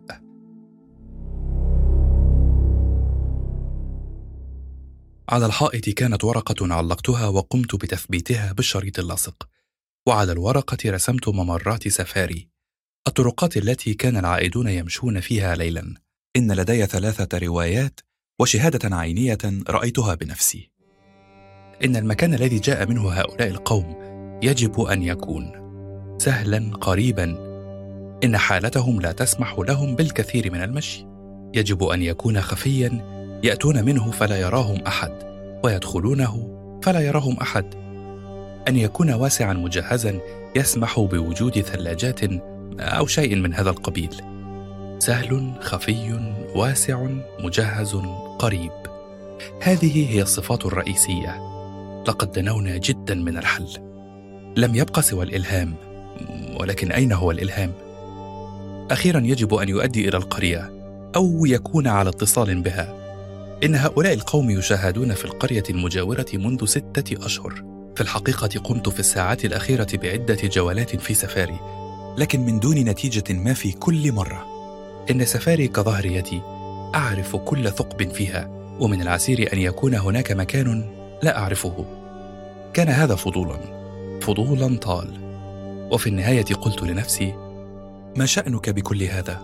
لقد كنت دوما تمقت القصص التي يتدخل فيها البطل فيما لا يعنيه وتفضل عليها القصص التي يجد البطل نفسه فيها متورطا برغم أنفه. إن تدخل البطل فيما لا يعنيه يجعله بشكل ما مسؤولا عما يحدث له. لقد قررت أن أنسى كل شيء عن العائدين وأن أعود لروتين حياتي في وحدة سفاري. وكان عملي الصباحي مع برنادت في قسم الأطفال. صباح الخير يا علاء. مالك؟ شكلك بائس النهارده. كلك ذوق والله. الواقع أنني لم أنم جيدا. بماذا يحلم من رأى ما رأيته؟ طبعا يحلم كالعادة بأنه في قاعة كبيرة محاط بأحواض الهيليوم السائل التي يتصاعد منها البخار. لا أدري إن كان هذا صحيحا علميا لكنه جميل شكلا وفجأة تخرج الجثث من الأحواض. جثث متجمدة بدأ جلدها ينفجر وكلها تمد يدها نحوه بتلك الطريقة المتصلبة المرتجفة التي رأيناها في كل أفلام الزومبي. ثم ماذا؟ بالطبع يرجع بطل الحلم للوراء فقط ليصطدم بالمزيد منهم. حلم تقليدي طبعا بلا ابتكار ولكن بما يحلم إذن إن الظروف هي التي تصنع الحلم. والحلم تنفيس نفسي تلقائي. كنت في أسوأ حال وكان هذا ظاهرا على وجهي بالتأكيد. شرحتوا الجثة؟ ها؟ آه جديون شرحها. لقى حاجات غريبة قوي. زي إيه؟ بيقول كلام مش مريح بالمرة عن الكرايونكس. علاء في طفل هنا في القسم مات بسرطان الدم قابلته امبارح بالليل. ابتلعت ريقي لقد ربطت بين الموضوعين بسرعة غير عادية. قلت لها ضاغطا على حروف كلماتي. انت متأكدة انه مات؟ شفتيه بعينيكي؟ لا مش بالظبط. يومها خلصت شغلي ورجعت بعد ساعتين عرفت انه مات. امبارح شفته وهو ماشي في الطرقة. وعملتي إيه؟ هعمل إيه؟ جريت طبعا. ما كنتش هقدر امسكه واشوف اللي شفته مرة تانية. علاء هو فعلا في حد هنا بيمارس الكرايونيكس على المرضى؟ من الواضح إن في حد بيعمل كده. بس السؤال الأهم هو مين وبيعمل كده فين؟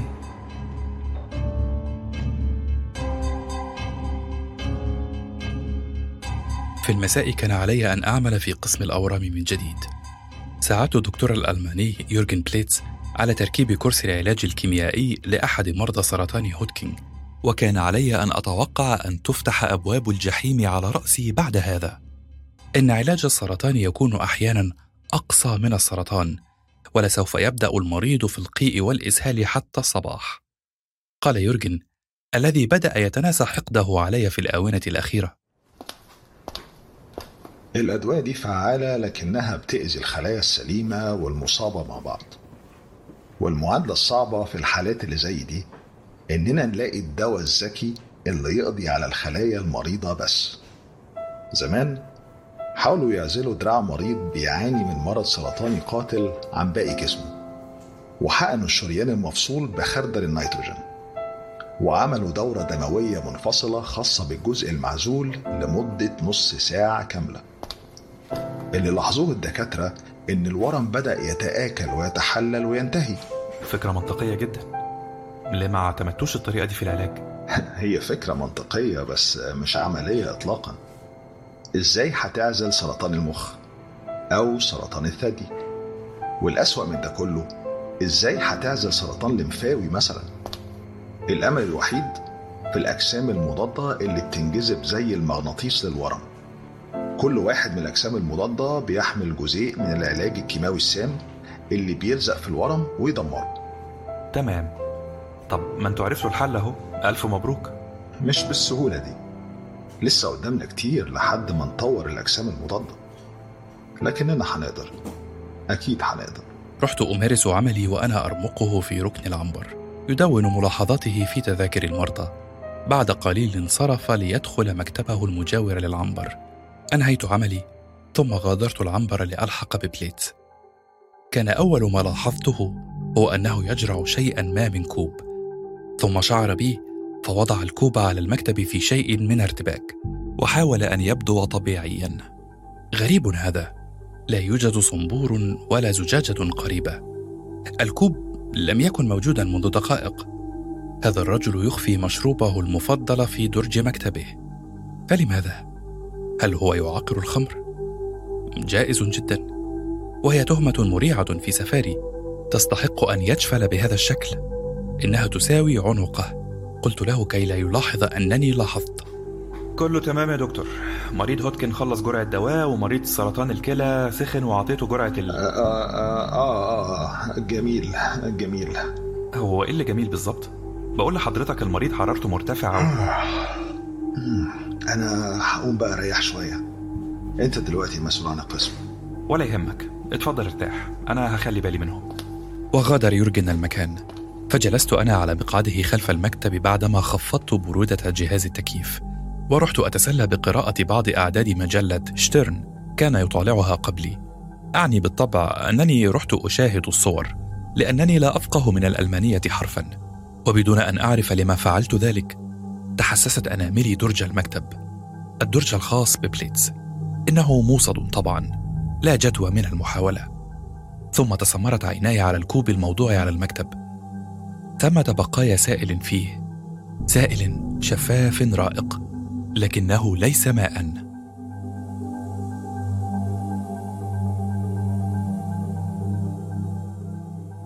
وفي الصباح انتهى عملي في هذا القسم وعدت متجها إلى غرفتي.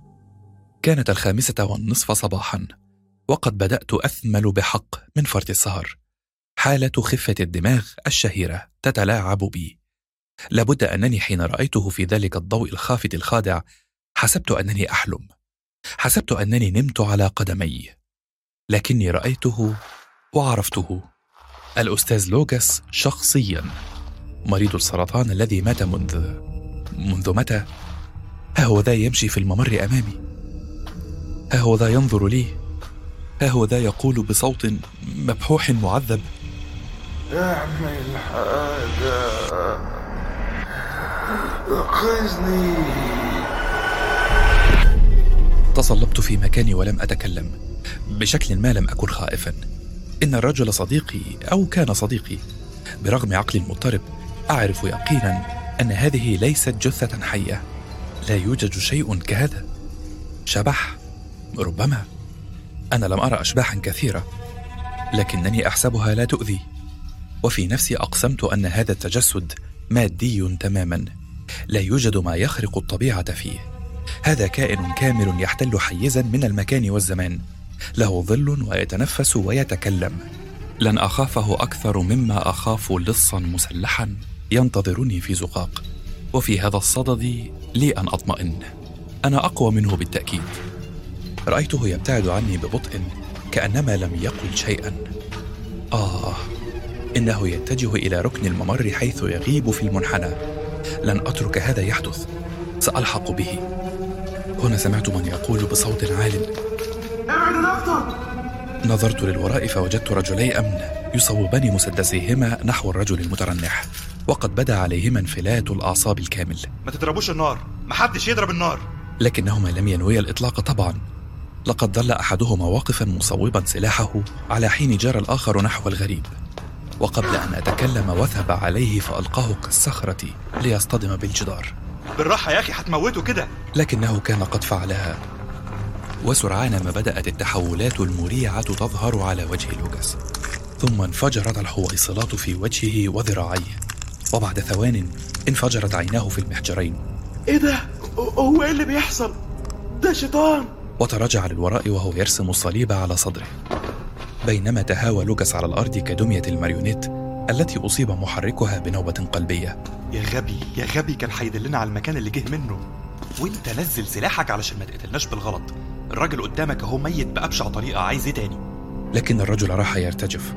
يرتجف ويردد عبارات بلغة البنتو لم أفهمها. إن السرطان قد يكون رحيما بالنسبة لما نحن بصدده.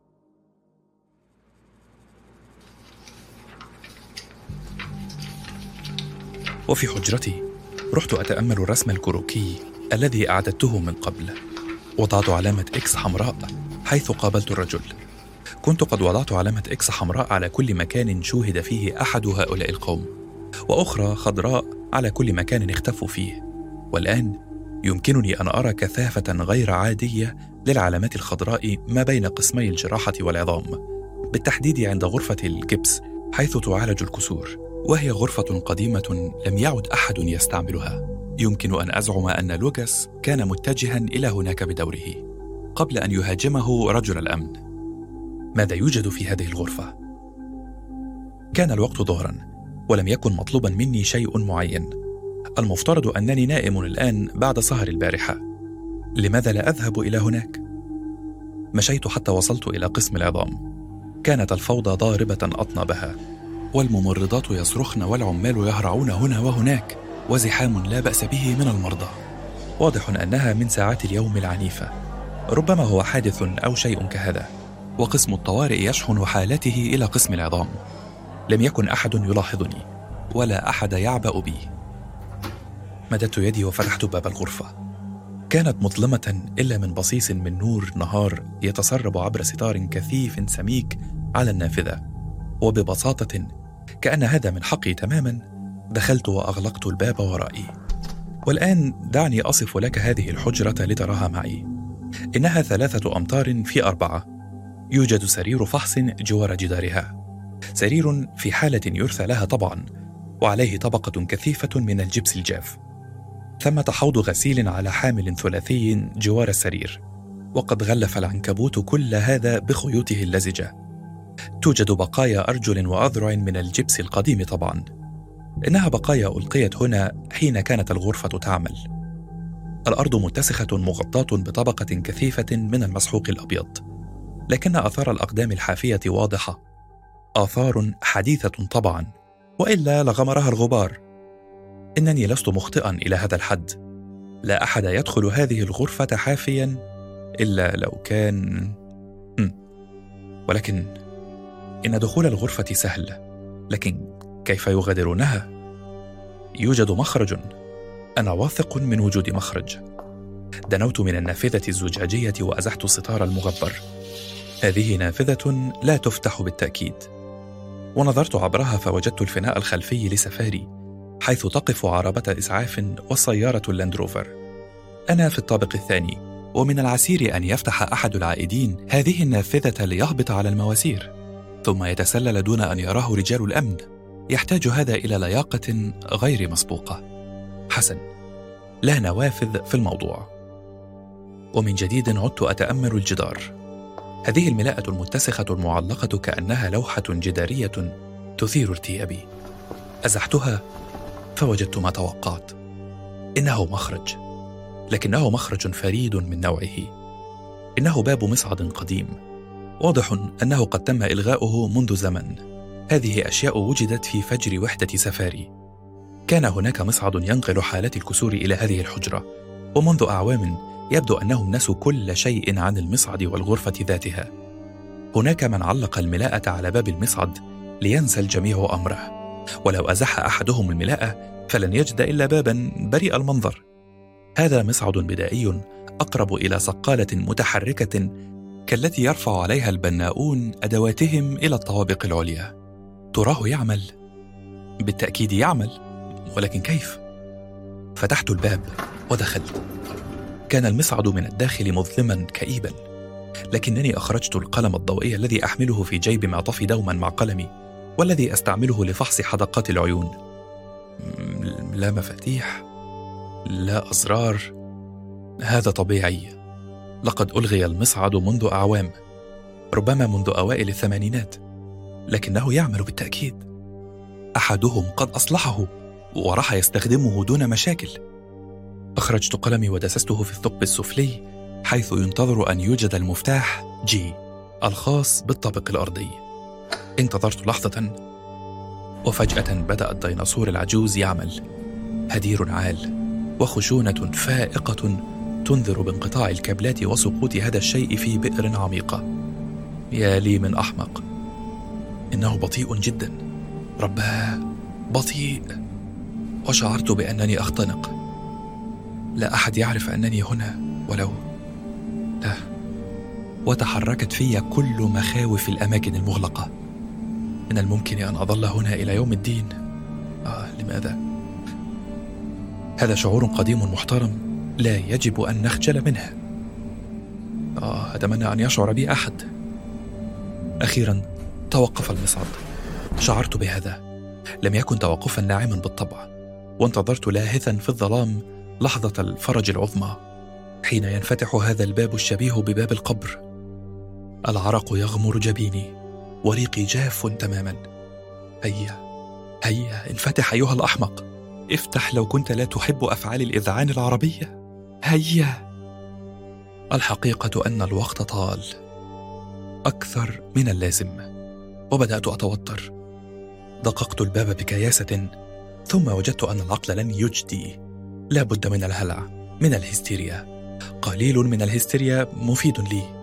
أوسعت الباب ضربا بقبضتي ثم رحت أصرخ وأركل أصرخ وأركل. لكن لا حياة لمن تنادي. يا عالم الحقونا يا عالم حتخانق هنا. يا عالم. لا أدري هل هو نقص الهواء أم الذعر في هذا القبر المظلم لكنني في النهاية غبت عن الوجود. وحين فتحت عيني كنت راقدا على سرير فحص وكان بليتس جالسا بجواري على مقعد والجو بارد كأنما في القطب الشمالي. يجب أن أقول هنا أنني منذ اللحظة الأولى أعرف أن بليتس له علاقة بشيء لا أدري كنهه لكنه مريب. أنتم أيضا قد عرفتم ذلك ببساطة لأنه الوجه الوحيد الغريب في القصة بليتس لكن بالنسبة لي في عالم الواقع لم تكن الأمور بهذا الوضوح. لكن ارتباط بليتس الشديد بحادث اختفاء لوجاس وارتباطه بالحالات الميؤوس من شفائها عموما بالإضافة إلى كلامه الذي لا ينتهي عما سيفعله الطب غدا كل هذا جعل صورة وجهه تتراءى لي كلما فكرت في هذه الأحداث. ودلوقتي تفتكر ممكن أعمل فيك إيه؟ يعني أنا كان ممكن أسيبك مطرح ما لقيتك لكن أنا مش قاتل متجرد من المشاعر أنا حياتي كلها قضيتها في محاولة إحياء الجسد البشري وأنت عقبة في طريقي لكن ما أقدرش أسحقك ببساطة كده. أنت أنت لقيتني في الأسانسير. أيوة. خوفك منعك من إنك تلاقي الزرار اللي بيفتح الباب. الباب مش من النوع اللي بيتفتح لوحده ومن الواضح إنك حالة متقدمة من خوف الأماكن المغلقة. وإحنا فين؟ هو إحنا مش في سفاري مبدئيا. أولا وقبل ما تحاول تهرب أو تعمل بطل أنا خفيت باب الأسانسير. غطيته بأسمنت ودهنته زي باقي الأوضة. أما بقى عن الحالات اللي بعمل تجاربي عليها فهم لسه عايشين. لكن طبعا لو حاولت تفتح بقك المكان كله ممكن يولع في ثانية بسبب ماس كهربائي بسيط وساعتها هيبقى ذنبهم في رقبتك. أما أنا فهنكر علاقتي بالموضوع. يعني من الآخر محدش هيصدقك. والخاسر الوحيد هيبقى موت المرضى الغلابة. أتمنى يكون كلامي واضح. اتفضل يا دكتور عبد العظيم. أنت حر. الباب قدامك هيطلعك على غابة صغيرة وبمجرد ما تعديها هتلاقي نفسك في سفاري. كان هذا غير متوقع. كنت أنتظر أن أكون مقيدا وأن أتلقى بعض التهديدات وأسمع بعض تخاريف العظمة. كلهم يتصرف هكذا لكن الرجل يبدو واثقا من نفسه تماما غير متشنج وغير هياب. وجعلني هذا أبغي البقاء لأعرف أكثر. سألته وأنا أريح رأسي إلى الجدار. أنت متأكد فعلا إنك ممكن تطلع منها بالسهولة دي؟ مفيش أي دليل هتقدر تقدمه لو اتكلمت. هتبقى كلمتي قدام كلمتك.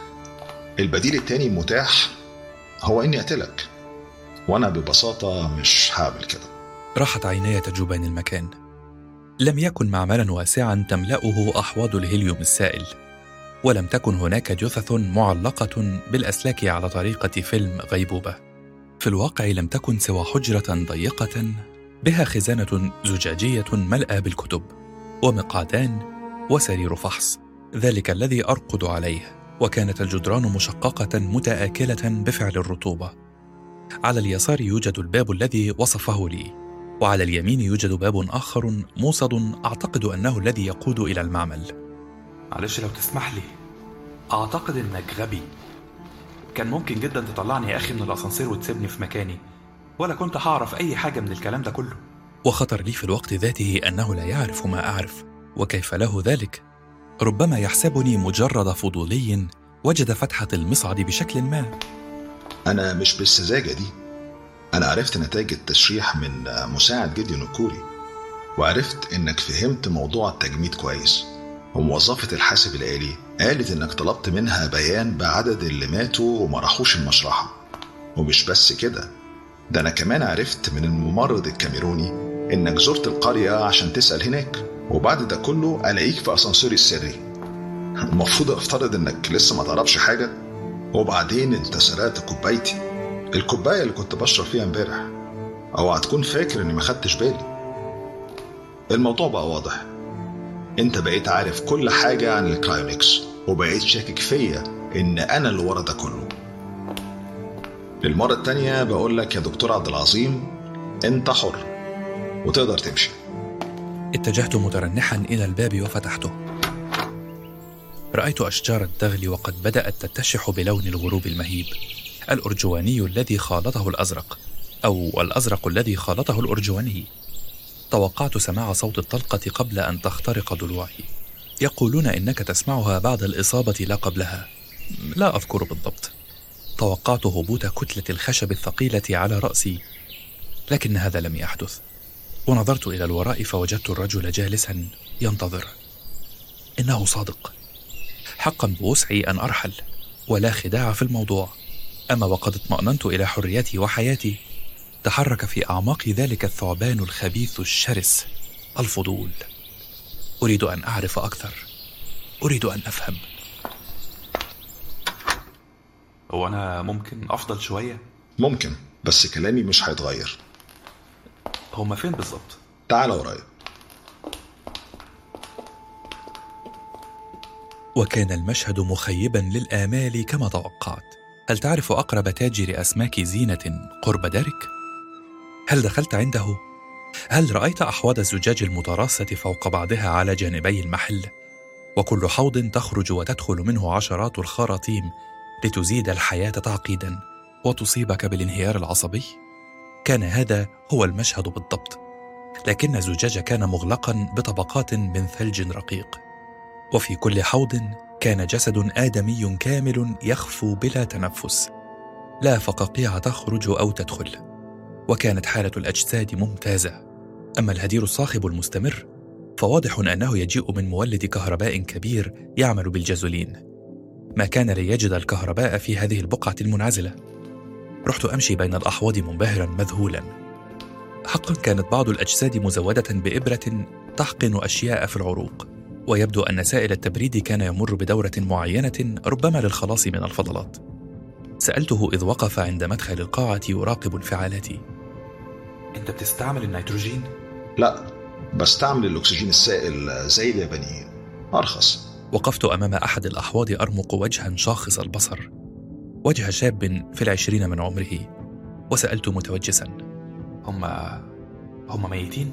أقصد آه، أنت جمدتهم وهما ميتين؟ لا طبعا. محدش يقدر يعيد الحياة للموتى.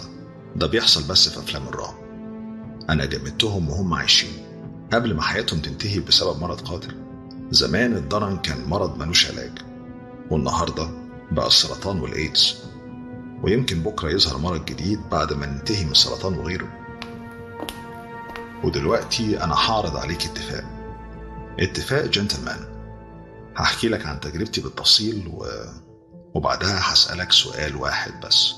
وأنت مش مضطر إنك توافق ولا مضطر على أي حاجة.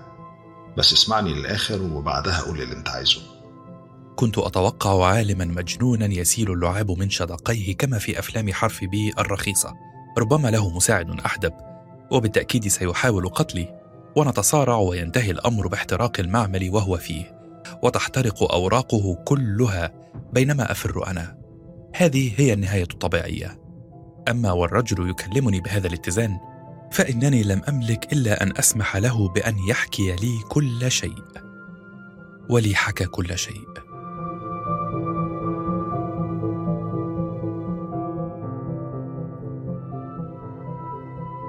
طول حياتي وأنا منبهر بالتقدم العلمي وآمنت بمفهوم الإنسان السوبرمان اللي بيطور نفسه دايما لتجنب عيوبه القديمة.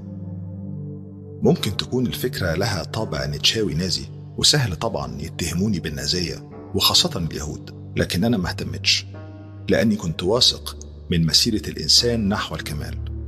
لما كنت بقرأ الأدب العالمي كنت بتأثر جدا.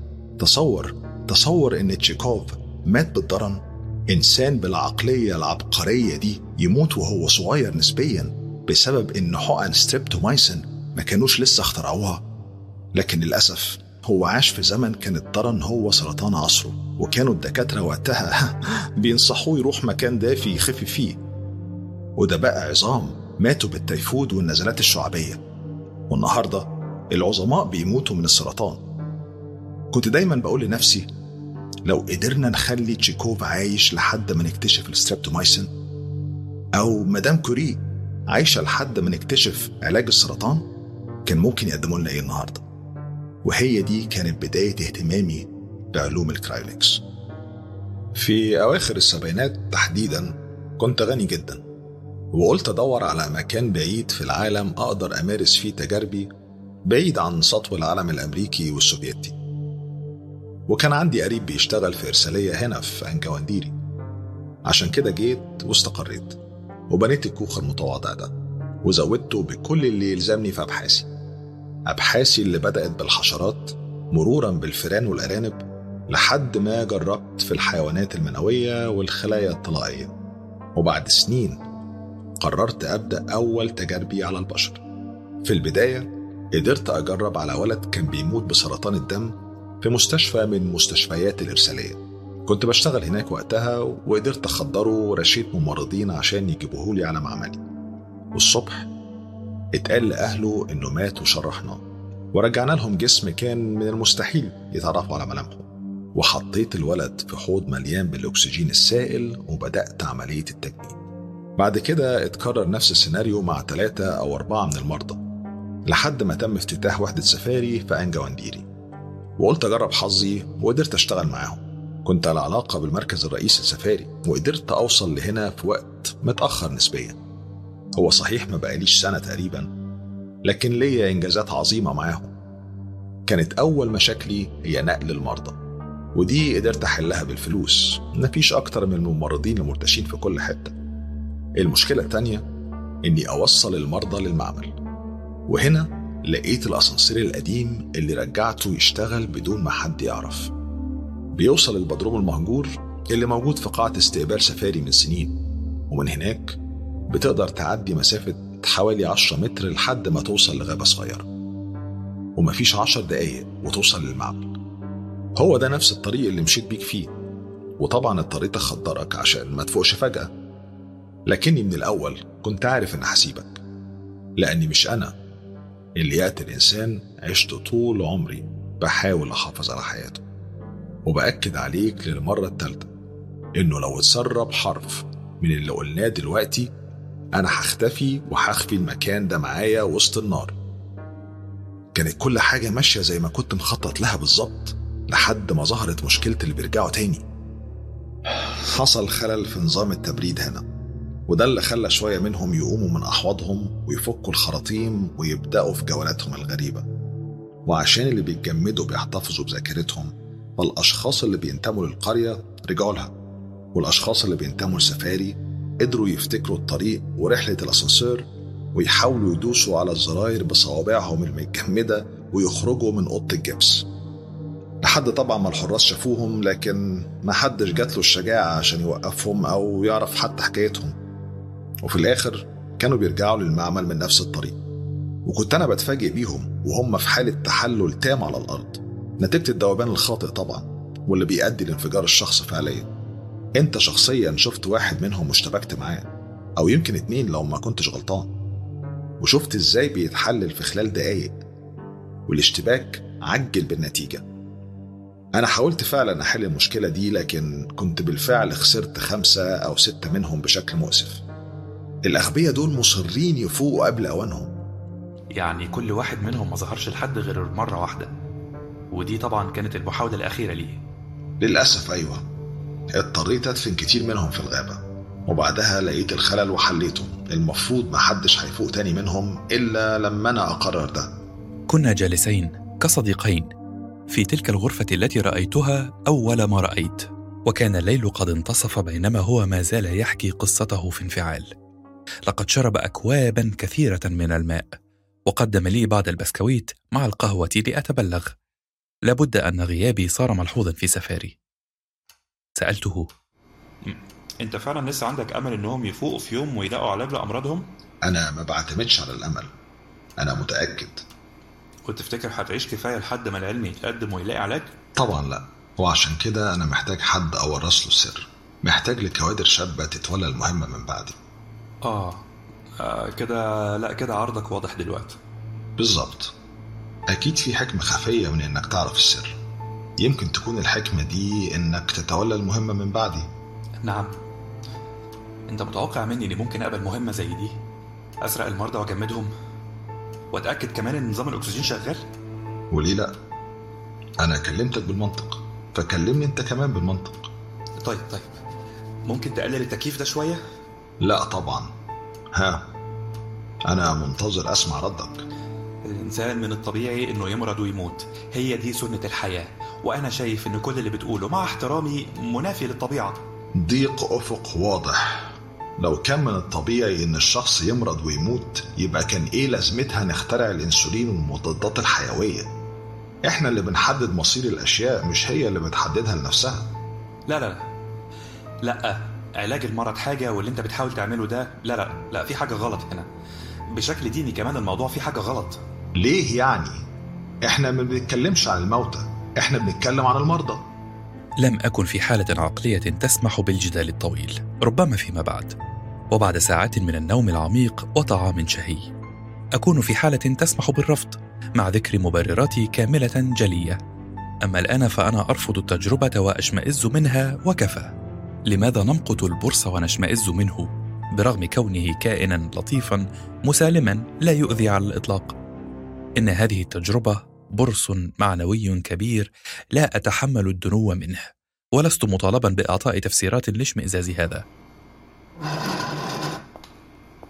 آسف يا دكتور بليتس أنا مش الشخص المناسب. يا ريت تدور على حد تاني غيري يقبل بمهمتك دي وظللنا صامتين بعض الوقت نصغي لهدير المولد الكهربائي حتى قرر أن يسألني. وأنت ناوي تعمل إيه دلوقتي؟ هتبلغ الإدارة السفاري بموضوعي كان نفسي أكون صريح معاك بس أنا ما استقرتش على رأيي. أنا محتاج أرتاح وأفكر على مهلي. يمكن بعد يوم أو يومين أعرف أخد قرار. أنا عارف إنك هتساعدني. المنطق السليم بيقول كده وصعب يتهزم بسهولة. حتى لو كان يبان في الأول إنه غريب وصعب يتحقق. تمام. عموما إحنا بقينا نص الليل واتأخرت على ميعاد الحمام بتاعي بسبب استضافتي لحضرتك. ونهض لينتزع ثيابه دون تحرج ثم أشار لي كي أتبعه. نهضت بدوري متوقعا بشكل ما ما سأراه. دخل إلى القاعة الواسعة حيث الأحواض العملاقة ثم فتح بابا صغيرا على يسار القاعة ودلف منه. لم يدعني إلى الدخول في هذه الغرفة بالذات لكني دلفت ووقفت على الباب ورأيت مشهدا غريبا بعض الشيء. كان قد غطس حتى العنق في بانيو مليء بالماء. ماء غريب يبدو أن كثافته تختلف عن الماء العادي فهو لم يكن رقراقا يتناثر أو يبلل ما حوله. وكانت الغرفة باردة تماما باردة إلى درجة الموت. باردة كفريزر ثلاجتك لو كنت متحمسا ودفنت رأسك فيه. راح يلهث وهو مغمض العينين. كمن يشعر بنشوة بالغة بعد طول حرمان ومن حين لآخر يغطس برأسه كليا تحت مستوى السائل ثم يخرجه ويلهث من جديد. ده جليسرول مش كده؟ أيوه. لازم أغطس جسمي فيه مرة كل يوم. وتشرب منه كمان. قلتها وقد تذكرت كوب الماء الموضوع على مكتبه في سفاري. كان شكله غريبا من البداية وخطر لي من البداية أن هذا ليس ماء. لو كان ماء فلماذا ارتبك الرجل كثيرا حين رأيته يشرب؟ ليس شرب الماء مخجلا إلى هذا الحد. ثم إن كثافة السائل في الكوب لا توحي بالماء ابدا. ببساطة حملت الكوب بما فيه من بقايا وهرعت إلى المعمل أستشير النرويجي بيونارد الذي كان ساهرا هناك. وكان تعليقه ببساطة هو أن هذه المادة جليسرول. لا أكثر ولا أقل. ولماذا؟ لماذا يشرب المرء جليسرول بهذا النهم والإفراط؟ أعتقد إنك فهمت كل حاجة دلوقتي. أيوه أنا كده فهمت كل حاجة. إنه ذو طابع كلاسي في كل شيء. في ثيابه في كلماته في شعره اللامع الغارق في البريانتين والذي يفرقه من منتصف رأسه. في شاربه الرفيع المنمق كخط. طول ما اليهودي الإنجليزي ده مسيطر على المشرحة يبقى لا هدخلها ولا هقتلها يبدو أن النازية لم تمت بعد في نفوس الألمان. إنه لا يطيق اليهود ولا الإنجليز ولا الفرنسيين. كلهم عندي شبه بعض. Gib du jetzt eine Stimme ab? Wenn ja, dann tritt für mich ein, so wie ich für dich eingetreten bin. هو, هو أنت عايش من إمتى؟ من سنة 1933 كان يجب أن أتوقع هذا أيضا. ألمانيا في عصر صعود النازي. ألمانيا التي تحمل مقتا جنونيا للإنجليز والفرنسيين بعد هزيمتها في الحرب العالمية الأولى. ألمانيا حيث تنمو أفكار النازية العنصرية بسرعة جنونية وكما قال هتلر عن الزنوج من العسير علي أن أبتلع فكرة أن تأتي بقرد من على شجرة وتضعه في بذلة وتجعله يعمل محاميا. بينما الآلاف من أبناء الجنس الأسمى عاطلون بلا عمل. إن بليتس يبدو بالضبط مستوفيا لشروط الأناقة حسب قواعد الثلاثينات ولغته عتيقة الطراز بعض الشيء. لو كان قد مر بالتجربة وهو في الثلاثين من عمره فمعنى هذا أن عمره الآن مئة عام. مئة عام لكنه يبدو في الأربعين. أخويا كان عالم فيزياء ألماني مرموق هو اللي حط أسس قواعد التبريد وكنت وقتها مصاب بالضرن الرئوي. وكان من المستحيل إن هم ينقذوني. عشان كده وافقت إني أخضع لأول تجربة تبريد تتم على كائن بشري كامل. والتجربة ما كانتش مؤلمة زي ما كنت متخيل. وفي أواخر السبعينات بعد ما بقى علاج الضرن سهل ومتوفر بدأ أخويا في عملية تدويبي. كنا في ألمانيا اللي بقت اسمها ألمانيا الغربية وقتها. وكان معمله في مكان تحت الأرض عنده في البيت. الخلاصة إني رجعت للعلم بعد ما اتطور بحوالي 45 سنة. الميزة الأولى في غيابي الفترة الطويلة دي إني بقيت غني ويمكن ده سبب ثراء مصاصين الدماء الفاحش والعقارات بتزيد تمنها والمعادن الثمينة بقت ليها قيمتها في الزمن ده. وبعد ما خفيت من الضرن جمعت كل ما أملك. واخترت المكان ده بالذات وقررت أواصل اللي بدأه أخويا. وأنا عارف أبعاد وعيوب التجربة بدقة لأني جربتها بنفسي. المشكلة هنا إن التجميد بيتلف الخلايا وعملية التدويب بتأذيها أكتر. فلازم تغمر حياتك بالكامل في الجليسرول وتشرب منه لتر على الأقل يوميا وتغطس فيه كلك مرة كل يوم. المشكلة التانية إن الخلايا مش هتغفر لك كل القسوة اللي مرت بيها ومش هتنساه بسهولة. وطريقة الخلايا للتعبير عن تمردها هي الانقسام المجنون وإلغاء أو تدمير الجينات المثبطة للأورام أو بمعنى آخر السرطان. دوت الكلمة في الحجرة فأجفلت ونظرت له محاولا الفهم. أنا بحاول أأجل اللي بيحصل في جسمي لكنه أقوى مني. عشان كده أنا عايش في جو شبيه بالقطب الشمالي وبتعاطى الجليسرول بكميات مهولة إلا أن السرطان الليمفاوي أسرع مني بكتير. ورفع ذراعه خارج الحوض. فاستطعت أن أرى الانتفاخات تحت إبطه. كريات شريرة المنظر كأنها حبات ليمون صغيرة. وقفت على الباب ودسست يدي في جيب معطفي أنت عايزني أجمدك يعني مرة تانية لحد ما يلاقوا علاج للسرطان؟ بالظبط. أكيد في يوم ولو بعد خمسين سنة هيكون العلم اتطور ووصل لطريقة لعلاج السرطان الليمفاوي. وبعدها أدوب وآخد جرعة علاجي الأولى. نظرت إليه إلى الغرفة إلى المعمل الخارجي حيث أقفاص الزجاج والسائل المجمد. cryonics كل هذا يثير ذعري أنا آسف يا دكتور بليتس. أنا ما أقدرش أساعدك. واستدرت مغادرا المكان مغادرا المعمل مغادرا الكوخ في الأحراش. فرغ البروفيسور برتلي من سماع قصتي الغريبة فقال وهو يصب لنفسه المزيد من القهوة. أنت متأكد من إنك مش بتعاني من هلاوس مرضية؟ أنا ما بقتش واثق من أي حاجة يا فندم خلاص. طب وليه استنيت يومين علشان تبلغني؟ ما كنتش عارف أفكر. للحظة كنت بحس إني ممكن أسيب الراجل بيكمل اللي بيعمله ولحظة تانية كنت بصطدم بقوانين الطبيعة ونعومسها ما بين العادي والطبيعي وما بين الخارق للطبيعة. الفكرة نفسها كانت بتأشعرني يمكن أنا موقفي أفضل منك شوية لأني هفكر بطريقة إدارية مش فلسفية. يعني من الناحية الإدارية ما يحقش لأي شخص سرقة مرضى من وحدتي ويخدرهم ويجمدهم من غير موافقة كتابية موقعة منهم. ده بيحرمهم من حق العلاج الصحيح والمصرح بيه باسم العلاج التجريبي والافتراضات. بس هم فعليا أمراضهم ملهاش علاج. لكن على الأقل ده الشيء الوحيد اللي بيقره العلم حاليا. غير كده كلام فارغ. العلم اللي مش عاجبك دلوقتي وصل لمليون علاج للإيدز. لكن المراجع الطبية ما أقرتش غير مجموعة ال Retrovir وال didanosine وخلافه. ومش من حق أي حد إنه يحرم مريض من فرصته في تعاطي ال Retrovir لمجرد اعتقاده إن عنده بديل أفضل.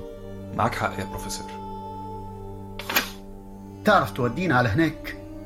طبعا يا فندم أعرف المكان مش بعيد. بدأ يطلب رقما ما ثم تذكر شيئا فقال وهو يسد السماعة. آه بالمناسبة يورجين بليدز مختفي من امبارح. ملوش أثر في سفاري كلها.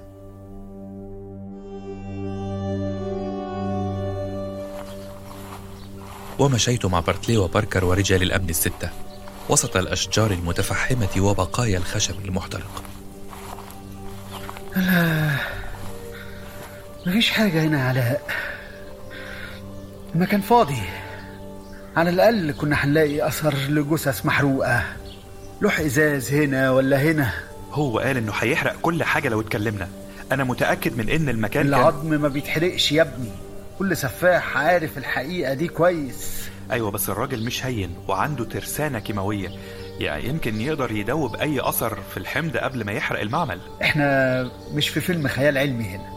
إحنا بنتعامل مع الحقائق الملموسة. إحنا محتاجين لدليل. لازم تتقبل الحقيقة يا علاء. أنت بتحلم. ده مجرد حلم مش أكتر. حضرتك واثق من اللي بتقوله يا بروفيسور؟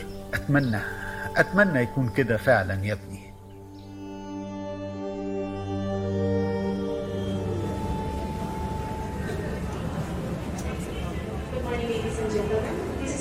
وفي مطار لوسكا انتهى السائح الألماني المتأنق من إجراءات الجمرك وابتسم في تهذيب لموظف الجمارك وهو يغلق حقائبه. متشكر. نهارك سعيد. ثم جرى كالمجنون إلى الحمام. تأكد من أن أحدا لا يراقبه ثم أخرج قارورة صغيرة من جيبه جرع ما فيها في نهم وتنهد منتشيا. يجب أن يجد مكانا باردا.